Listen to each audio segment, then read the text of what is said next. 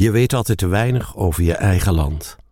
Waarom kozen kunstenaars vanuit de hele wereld rond 1900 Volendam als onderwerp? Lees het in De Ontdekking van Holland, de verrassende bestseller van Jan Brokken.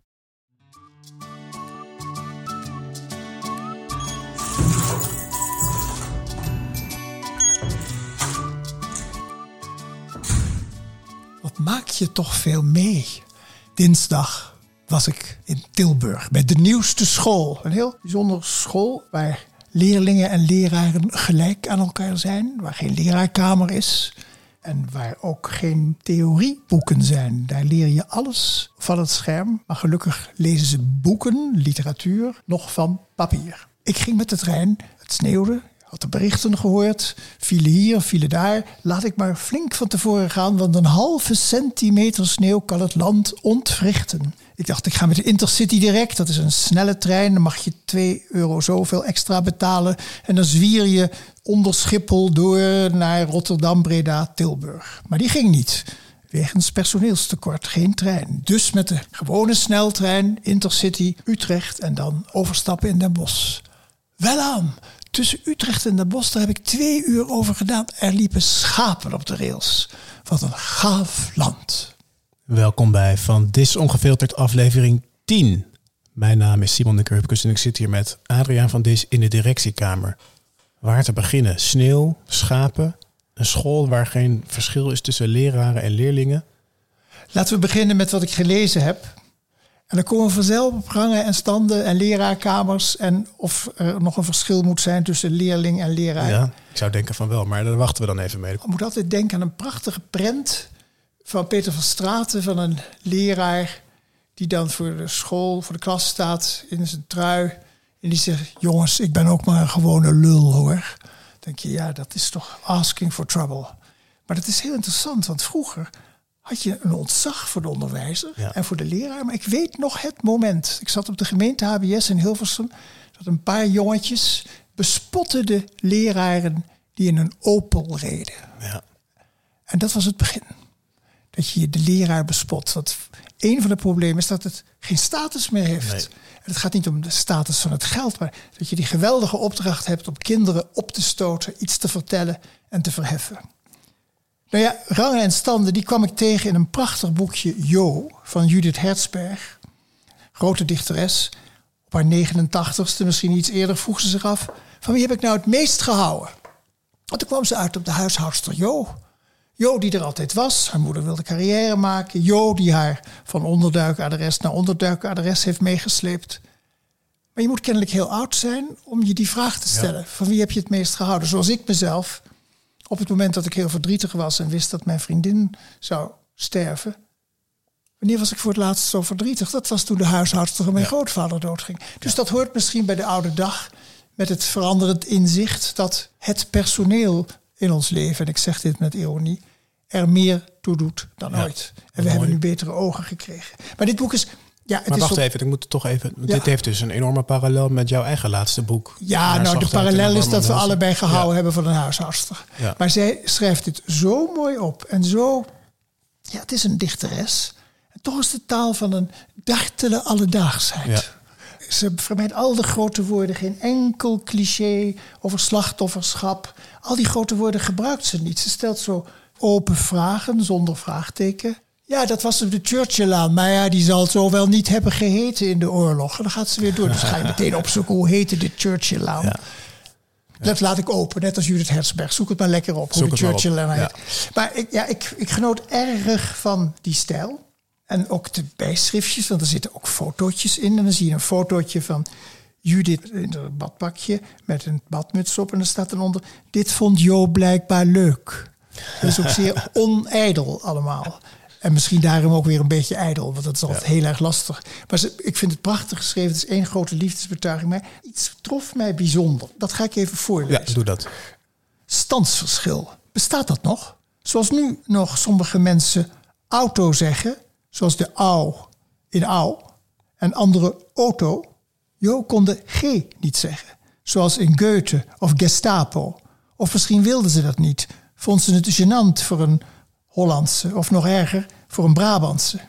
Jo had het over Pieter Celi, Terwijl Thea, iemand anders in het boek, nadrukkelijk peterselie zei. Mij viel dat op, maar ik snapte niets van zogenaamde standen. Tongval is ook een mooi woord. Ik wou dat ik van Jo nog een geluidsbandje had. Daarmee haar tevoorschijn toveren. Vrouwen en dames, de eerste met een schort aan. Hoe een schort rook, nooit naar parfum. Je hebt trouwens nog steeds twee geuren: parfum en parfum. Tante Dientje, die waarschijnlijk levenslang als dame speelde, zei parfum. En viel daarmee voor mij een beetje door de mand. Een beetje door de mand vallen. Dat had ik natuurlijk ook met mijn uh. Die gebruikte ook woorden die niet helemaal nette woorden waren. Wat zijn nette woorden? Ik ben opgegroeid helaas met voortdurende verbeteringen. Nee, het is geen gebak, het is taart. Het is een das en nooit een stropdas. Nee, stel je voor ze. Het is een jasje, geen colbert. Een broek, geen pantalon. Maar ik vind het zo vervelend dat ik er nog steeds last van heb. Ja. Je zou het achter je willen laten, maar het zit er te diep in. Ik vind het juist leuk, al die regionale kleuren. En dan te bedenken dat ik ooit een keertje door Bert Garthof die ik al jong kende, want dat was de omroeper van de NIROM, de Nederlands-Indische radioomroep. En mijn moeder bewonderde de man bijzonder en we kenden hem op een vreemde manier. Dat was de man die ook vroege vogels start op de radio hier in Nederland, voordat het zo geworden is tot een soort klimaatprogramma. En die zei, ja, je, hebt een mooie stem, je moet misschien, en ik wou zo graag beroemd worden. Ik ga regelen dat je bij de Nederlandse Televisiestichting een test kan doen als omroeper. En dan ben ik afgewezen omdat ik te bekakt praat. Het moet niet gekker worden. En daarom ben ik dus ook voor mensen die gewoon gezellig met nog een de als een stoep achter zich aan laten slepen. We gooien nou een glas op, godverdomme. Moet kunnen. Ja. Moet kunnen. We laten het water gewoon vloeien. Het is ook leuk, eerlijk gezegd, om een watervlek in een boek te hebben. Want dat herinner je dan altijd aan dat moment dat je een glas water over je boek gooide. Ik hoorde vanochtend ook op de radio iemand die zei... we moeten uh, was een stichting voor het behoud van het Achterhoekse dialect. Ja, en dat het ook op school eigenlijk geleerd zou moeten worden. Dat je dan een soort tweetalig op wordt gevoed. Het schijnt heel goed voor je brein te zijn om twee, drietalig opgevoed te worden. Even nog over eh, Judith Hertzberg en, en Jo. Want we hadden in, in jouw boek... Voelt het jongetje zich erg gezien door, door Ommi? Ja. Speelt iets soortgelijks ook bij Ju en Jo? Ja, Jo had tijd voor haar en uh, las met haar. En nam haar mee en zag er in zekere zin voor vol aan. En ja, verving in belangrijke mate kennelijk haar moeder, die het druk had met haar carrière. Dat wordt ook niet helemaal uitgelegd. Maar wel een sterke band voor Jo. En Jo was moedig. Jo durfde dingen die een heleboel Nederlanders niet durfden. Namelijk een meisje mee op sleetouw nemen van adres naar adres. Ja. En uh, die de verdoemde ster uh, gewoon van de jas afhalen. Ja. Dus Jo is een heldin. In die zin is het ook een eerbetoon naar die heldin. Maar wat ik nou zo mooi vind, is dat ze dus ook een beetje die lichte gêne laat zien van het anders zijn. Uh, dat maakt het allemaal zo, zo tot een eerlijk boek. En ik had het net over die rangen en standen, die malle woorden van thuis, waar ik dus nu door gehinderd word. Maar dat had natuurlijk bij ons te maken met het feit dat mijn vader werkeloos was. Daar schaamden wij ons voor. Dus als de mensen vragen, wat doet je vader, moet je zeggen, zei mijn moeder, mijn vader is werkzaam bij het GAK. Dat is het gemeenschappelijk administratiekantoor. Daar kreeg hij een maandelijkse kleine bijstandsbedragje van. En dat, dat, dat liegen, je beter voordoen, werd erg aan die taal verbonden. We kwamen aan in Nederland een fijn oor, wat hoort wel, wat hoort niet. En daardoor kregen we dus al die ja, die, die, die, taalcorrecties, want die, die, die, die, die kinderen in de Noord-Holland, die, die, konden, die hadden even skepen, skepen, skoppen, verschrikkelijk. En nee, want uh, jouw ouders destijds in India hadden het ook niet over taartje of gebakje, toch? Dat, dat had je niet eens. Ja, ja je, je, had gewoon geen taart in nee. uh, India. En ik herinner me dat ik gegeven bevriend raakte met een jongetje en ik noem hem altijd bij zijn naam. Misschien luistert hij wel, maar dan moet hij ook flink op leeftijd zijn. Dikkie Buisman. Dikkie Buisman had een moeder die rookte. En die rookte op straat. Nou ja, dat was echt niet heel erg netjes. En ik ging om met Dikkie en die nam ik mee naar huis. En toen moest hij van mijn vader op een theedoek zitten. Ik heb me nog nooit zo geschaamd. Nee, dat kan natuurlijk Ja, want Dickie was een, een arbeidersjongetje. En toen zei mijn vader, af, je moet uh, zoeken naar vriendjes uit je eigen milieu. En dat heb ik toen tegen Dikkie gezegd. Ik mag niet meer met je omgaan. ik moet omgaan met jongetjes uit mijn eigen milieu. Ik heb er nog spijt van. Sorry ja. Dikkie, ik was er echt een klootzak. Maar ja, je bent een kind van je vader. Ja. Nou, Dikkie, als je luistert, uh, laat even wat horen. Laat wat. Nou, rangen en standen. Dat onderwerp is iets dat op een of andere manier ontkennen de mensen dat, dat Ja. dat bestaat. En het bestaat. Ik denk dat een heleboel mensen elkaar een beetje keuren, niet alleen op het accent, maar ook op oh, grijze schoenen Ja. of weet ik het wat. Wat Zo'n voor kleren. leuke tatoeage die uit je nek opkrult. Dat, dat wordt steeds moeilijker, want iedereen Iedereen heeft tatoeages wie tegenwoordig. niet getatoeëerd is, daar ga je, dat, dat zijn uitzonderingen. Maar ik las een heel bijzonder boek van Milio van de Kamp. Misschien moet je iets lager mikken. En dat gaat eh, over rangen en standen. En dat is heel interessant, want die jongeman groeide op in wat wij tegenwoordig noemen een kansarm milieu. En zijn vader was licht als, werkeloos, een crimineel belandde in de gevangenis Ja. wegens drugsmokkel. Ze zaten thuis vaak zonder licht of warm water. En Milio kreeg telkens te lage onderwijsadviezen. Zo zei hij op een gegeven moment van lagere school naar middel, je moet een eh, beetje lager mikken. En dat werd dus een lange tocht, ondanks zijn grote intelligentie, Ja. VMBO, MBO, hogeschool, universiteit, een echte stapelaar. ja, want je moet even erbij zeggen, hij is nu docent Hij is- sociologie hij is aan de universiteit. sociologie. En, Ja. en hij leest ons hier een belangrijke les. Hij zegt dat volledig losbreken van je achtergrond, dat is een illusie. Het idee dat je na het beklimmen van de sociale ladder naadloos aansluit bij de mensen die boven aan de ladder zijn geboren, strookt niet met de werkelijkheid. En dan beschrijft hij zijn eerste dagen op de universiteit. Nou, daar zit hij dan. Het viel me meteen op dat nagenoeg iedereen accentloos Nederlands sprak. En woorden gebruikte die ik niet kende. Het over onderwerp hadden, boeken en concepten waar ik nog nooit van had gehoord. Nou, ik vind dan een lege stoel, gaat er naast twee meisjes zitten. Die heten dan weer Anne Fleur en Sterre. Ja, zo Ja. weten ze het bij hem thuis niet. En tijdens de introductie van de docent keek ik om me heen. Op zoek naar mensen die er ook anders uitzagen of anders klonken. Maar tevergeefs, het leek wel alsof iedereen hier uit de hogere middenklasse en elite kwam. Ik met mijn platte Amsterdamse accent vol straattaal paste hier overduidelijk niet tussen. En dan wordt hij zich heel erg bewust van zijn, zijn gebrekkige vocabulaire, al die, die, die stopwoordjes waar hij mee zit. En dan komt hij een gegeven moment ook thuis bij een student. En daar eet hij mee en dan krijgt hij een drie gangen maaltijd. Ik had nog nooit een drie gangen maaltijd gegeten, zegt hij dan. In mijn wereld betekent meerdere gangen meer kosten. En dat kunnen we ons niet veroorloven. Bij ons gaat het om de grootte van de portie en de smaak en de hoeveelheid. Je moet vol zitten. Kijk, dat is tenminste vrolijke taal die ik begrijp. Emilio ervoer sociale schaamte op allerlei manieren. En dat, maar elke keer als hij dat ervoer, dan lag het niet aan die rijkere mensen die hem zo raar aankeken. Ja. Nee, hij kromp ervan. Het maakte hem kleiner. Hij dacht, het is vast mijn eigen schuld. Mijn ouders hebben niet genoeg hun best gedaan. Hij had het geïnternaliseerd op een bepaalde ja, manier. ja. Zo heet dat tegenwoordig. Ja. Gas en licht afgezeten als onze schuld.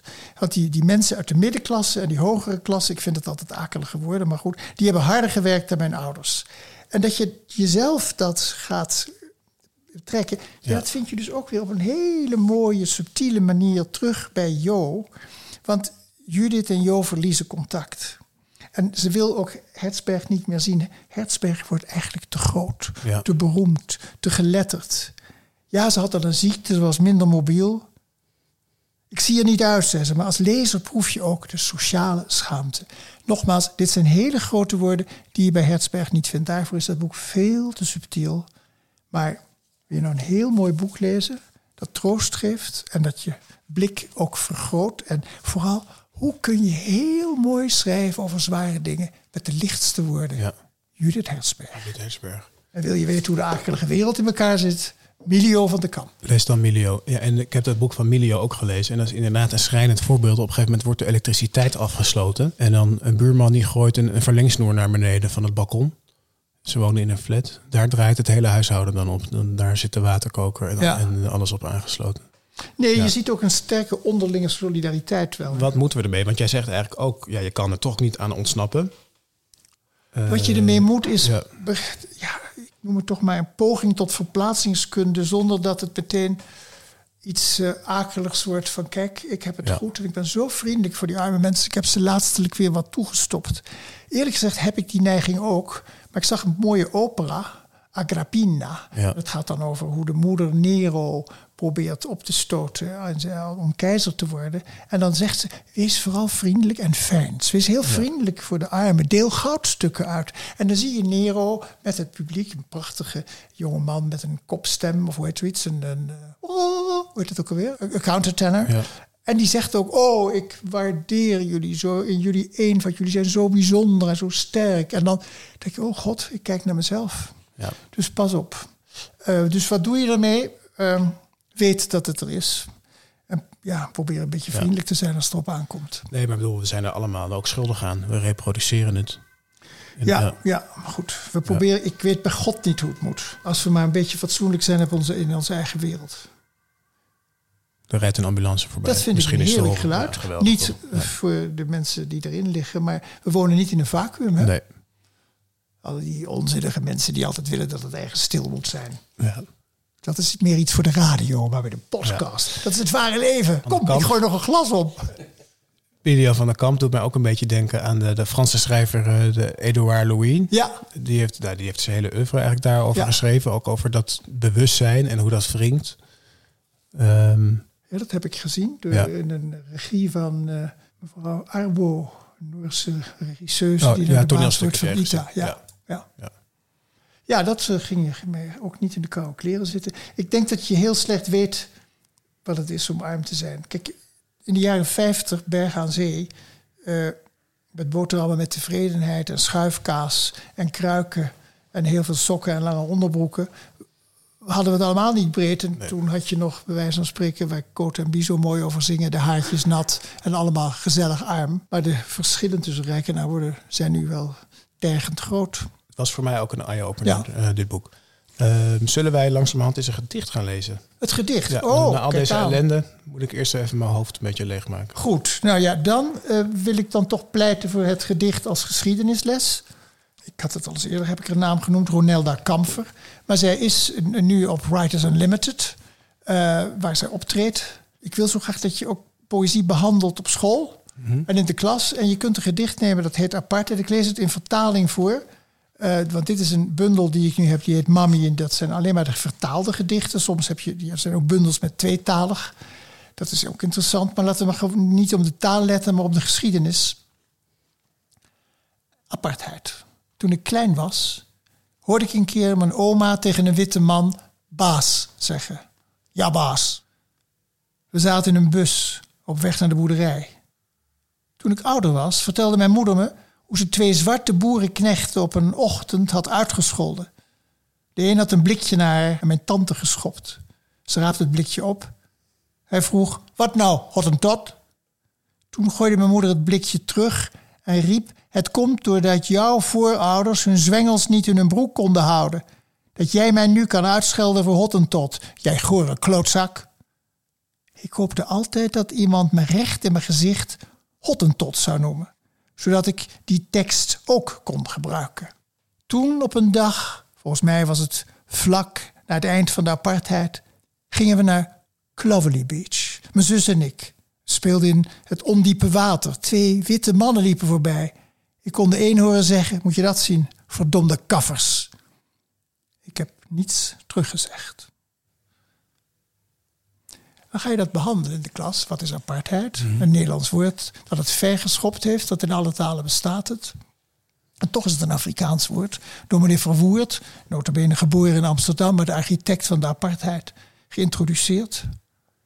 Maar ook het woord Hottentot, dat is uit een brief van Van Riebeek aan de heren 17. Hij werd omgeven door een volk dat hij niet kon verstaan. En Hottentot is een ander woord voor stotteraar. Nu wordt dat woord niet meer gebruikt. Je spreekt over de Khoisan. En de Hottentot zijn eigenlijk de Khoi En de San zijn de, wat je vroeger bosjesmannen noemde. Kaffer komt van kafir, Ja. ongelovigen. Dus dan begin je eerst even de talen te verkennen. En dan eens uit te leggen hoe dat idee van apartheid is ontstaan. Op dat verversingsstation naar de Kaap. Waar een van de eerste dingen die men deed was heggen maken, slootjes trekken. Dit is van ons en daar zitten jullie. Poëzie als onderwerp voor de maatschappijleer. Heel goed. En als we dit nou even verbinden met dat klassen en standen, want dat, die apartheid, dat is natuurlijk verschrikkelijk en vanuit onze zogenaamd moderne ogen bijna ridicuul. Juist ook omdat het zo afgebakend Ja, is. maar als je, dat, erin dat leeft, je dan op. als je erin leeft, Ja. stomt het kennelijk af. Ja. En, bij die klassen en standen, dat is natuurlijk nergens vastgelegd in een wet. Maar dat maakt het niet minder nou. Zuid-Afrika was het enige land in Ja. de wereld waar het racisme in de wet was Precies. vastgelegd. Ja. Nee, maar daarom is het ook zo stomzinnig. En Ja. kon je ook niet anders dan er tegen zijn. Maar hoe... Nou, er waren ook een heleboel mensen die eh, burgemeester Boot van Hilversum, die getrouwd was met een meisje Colijn. ja. En die grote Colijn had zich verrijkt aan de Bataafse petroleummaatschappij en zich overgegeven aan moordpartijen op Aceh. Die schreef nog het boek Apartheid in Nuance. Dus ik wil maar zeggen, dat was jaren zeventig hoor. Ja. Er waren altijd mensen die je moet het begrijpen, je moet er geweest zijn. Ja. Ja, en als je er was, dan hield je het ook niet uit. Maar ik zeg altijd, dat is dan weer van een eh, Poolse dichter. Dictatuur is een huid, je groeit erin. Apartheid was ook een huid, je groeit erin. Op den duur heb je het niet door dat je in zo'n bevoorrechte positie woont.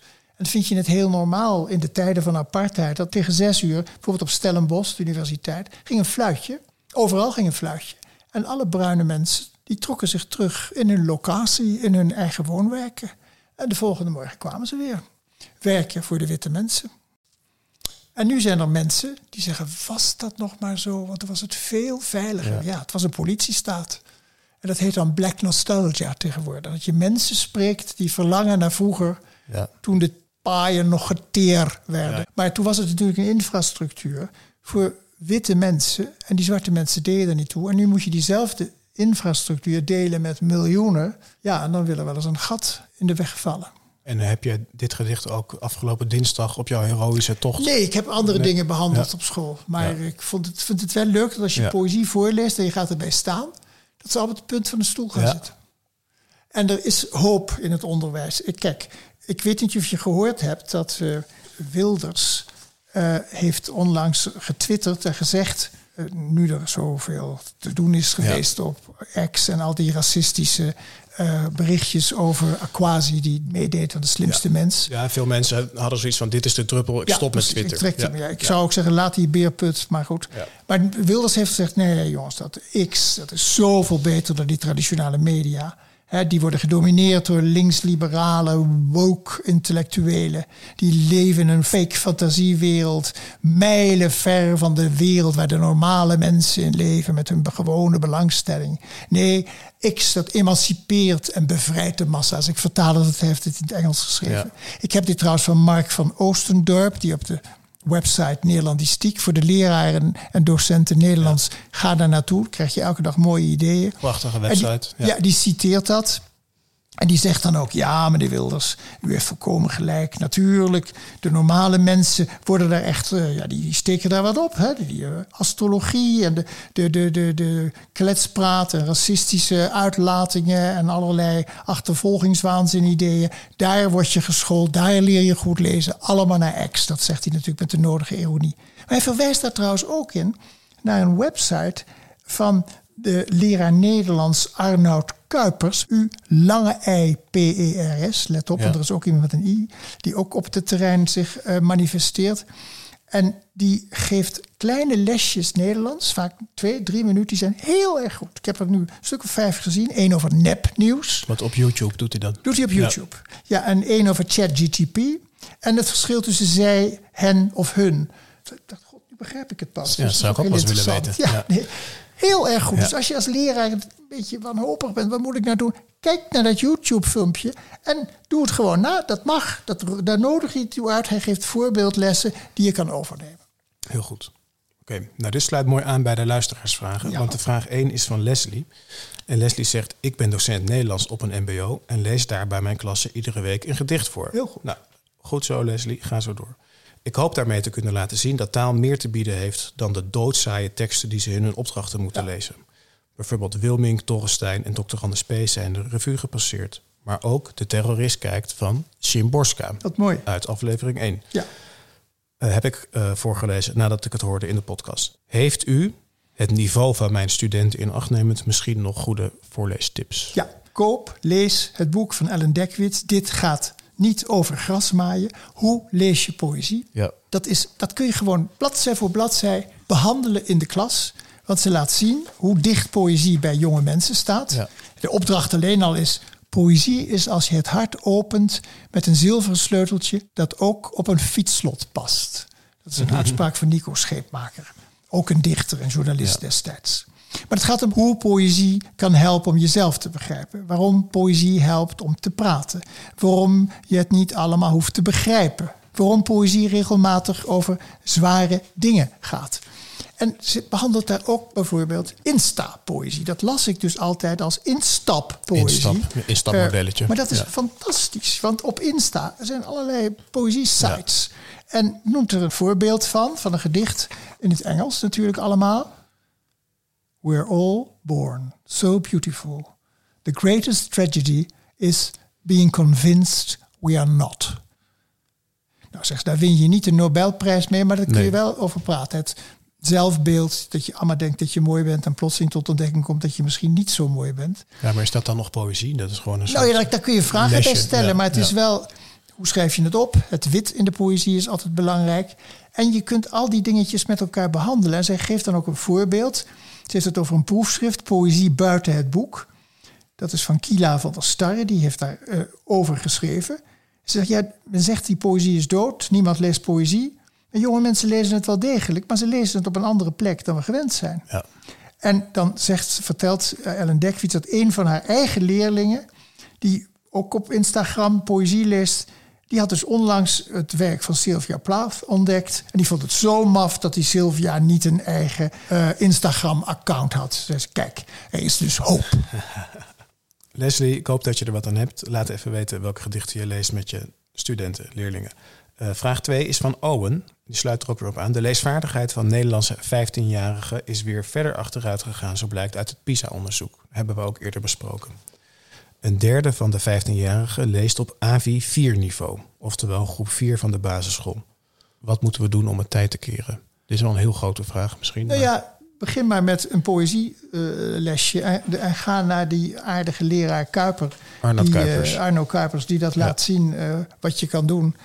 En vooral eh, sla nieuwe wegen in. Vraag wat hen interesseert, wat hun Ja. wereld is. Ga met elkaar een rap schrijven, laat zien hoe moeilijk het is.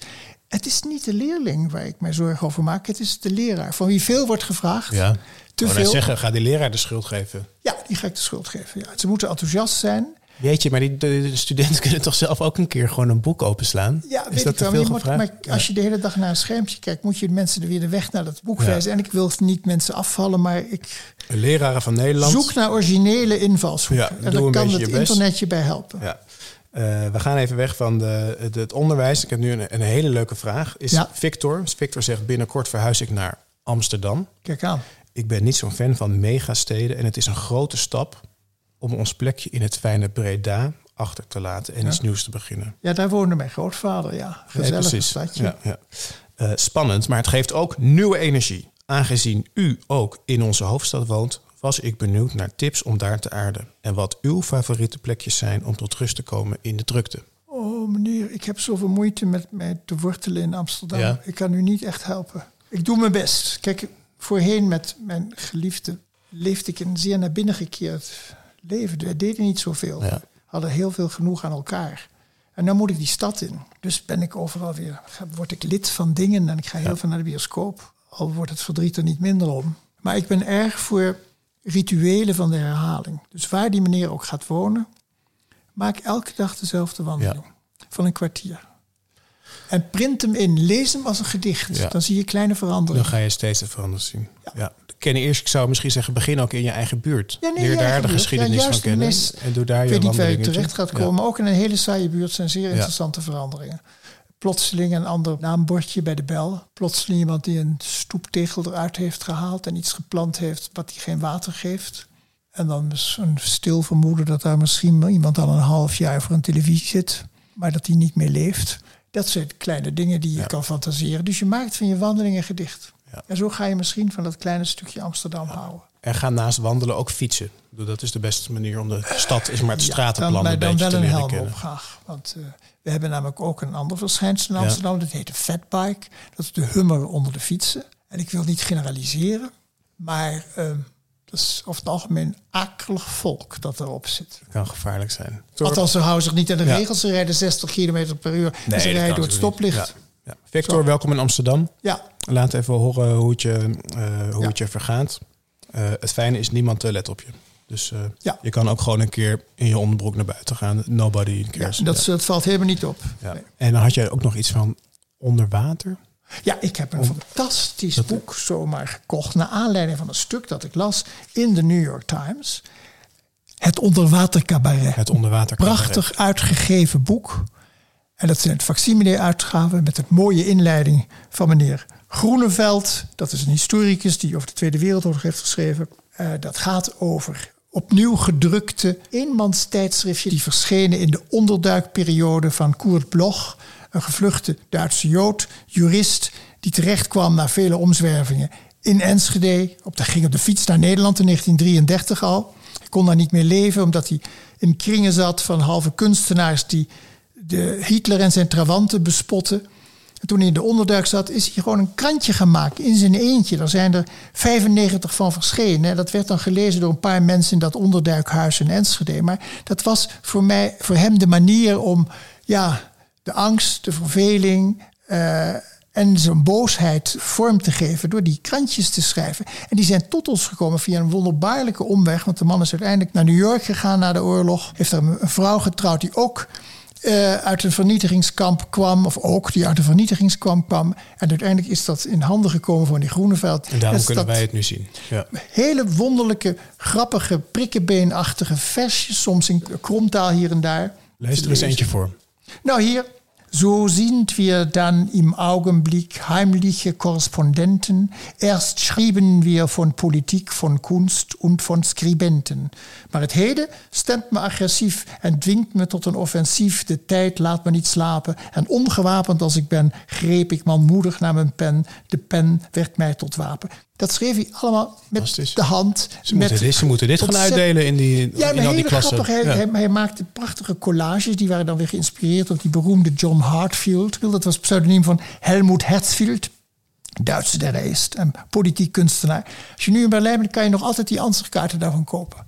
Waar hij uh, al Hitlers trawanten uh, bespot. Dus dat is een, een, een feest om naar te kijken. Maar, maar het heeft een echo sterk met het heden. Het gaat over vluchtelingen, over onwelkom zijn in Nederland, over de Duitsers die vrolijk meemarcheerden. En het geeft een prachtig en pijnlijk inzicht op de onderduik. Ja, onderduik, onder water. Ja, onder water. Ja. ja, onderwater cabaret, mooi. Ga ik nog even wat oh. zeggen over de koloniemap terug? Ja. Uh, want dat is natuurlijk ja, eigenlijk in boekvorm jouw kousbroek. Lezing. Ja, het is meer dan de kousbroeklezing. Want ik heb mijn, de, ja. de helft is, heb ik uitgesproken in de Nieuwe Kerk. Dit is eigenlijk het hele verhaal. Dit is het hele verhaal van een jongen die als kind is voorgelogen. Die gelooft in de verhalen van zijn ouders. Dat waren maar halve verhalen, toegedekte ja. verhalen. Ik dacht als kind er is niks leukers dan kamp. Al die liedjes die ik heb gezongen, dan zie je dan voorzichtig ontwaken. En dat ontwaken is mij aangereikt door Rudy Kousbroek. Ja. Die zegt, jullie hebben heel veel meegemaakt. Jullie hebben vast en zeker geleden. Maar dat wil nog niet zeggen dat jullie gelijk hebben. Nee. En hij komt met allerlei ja, feitelijke argumenten. Hij ontrafelt de mythe van het slachtofferschap, dat er wel is. Maar er was ook leedconcurrentie. De ja. mensen uit de kolonie Nederlands die werden niet gehoord, kwamen immers uit de tropen, trokken een banaan uit elke boom. En dan was er de Nederlander die, zoals je weet, massaal in het verzet zat. Zeker. En tulpenbollen had gegeten, dus helemaal niet wilde horen van mensen uit de tropen die alleen maar personeel hadden. Ja. En die het goed hadden. En dan was er een heimelijke leedconcurrentie met de Joden. Die waren vermoord nagenoeg uitgemoord Europese Joden. Dat speelt ook een rol, de leedconcurrentie. En dat wordt allemaal met getallen en feiten ja. Eh, behandeld. En dan gaat de wereld open. Ik wil niet in herhalingen vervallen. Nee, want het zijn inderdaad thema's die we ook rijkelijk aan bod zijn geweest. Zijn aan bod. We hebben betere oren ja. gekregen. Ja. En dit is voor mensen die misschien willen oefenen in beter luisteren. Het is als je op zoek bent naar meer perspectieven, of als je de reis wil volgen die Adriaan heeft afgelegd, uh, in, in het verkrijgen van die nieuwe perspectieven, dan is dit absoluut onmisbaar. De Cololi Map terug is nu te koop. En sluit ook aan dus bij de uh, Kousbroeklezing hebben we in aflevering 5 behandeld. Ja. En we hebben toen ter tijd een vraag gekregen van luisteraar Maarten. En hij zegt, uh, Adria, mag ik voor jou een lijstje met al die boeken die je dan hebt gelezen? Ik zeg, die staan nou, achterin. Precies. Als je dit boekje koopt, op pagina 84 vind je de literatuur. Ja, en anders vind je het ook op de website. Ik wil ja. niet op kosten jagen. Ja, nou, we gaan, Of- wij of zijn ook de behoortste niet. Ja, we hebben. Maarten intussen gemaild. Hij heeft het lijstje ontvangen, maar ja. het is wel even goed. Zeg maar. Ja. Soms kan het een beetje duizelen en hier vind je alles nog een keer op een reisje terug.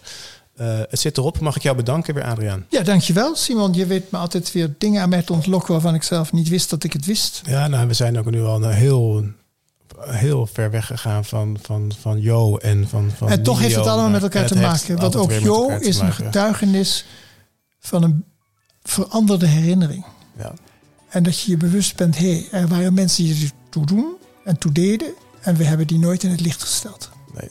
Ik hoop dat het nog heel erg gaat sneeuwen en dat we tijd hebben om al deze mooie boeken te gaan lezen. En Ja. wij zien elkaar weer over twee En wat weken. minder schapen op de rails. Ja, dankjewel.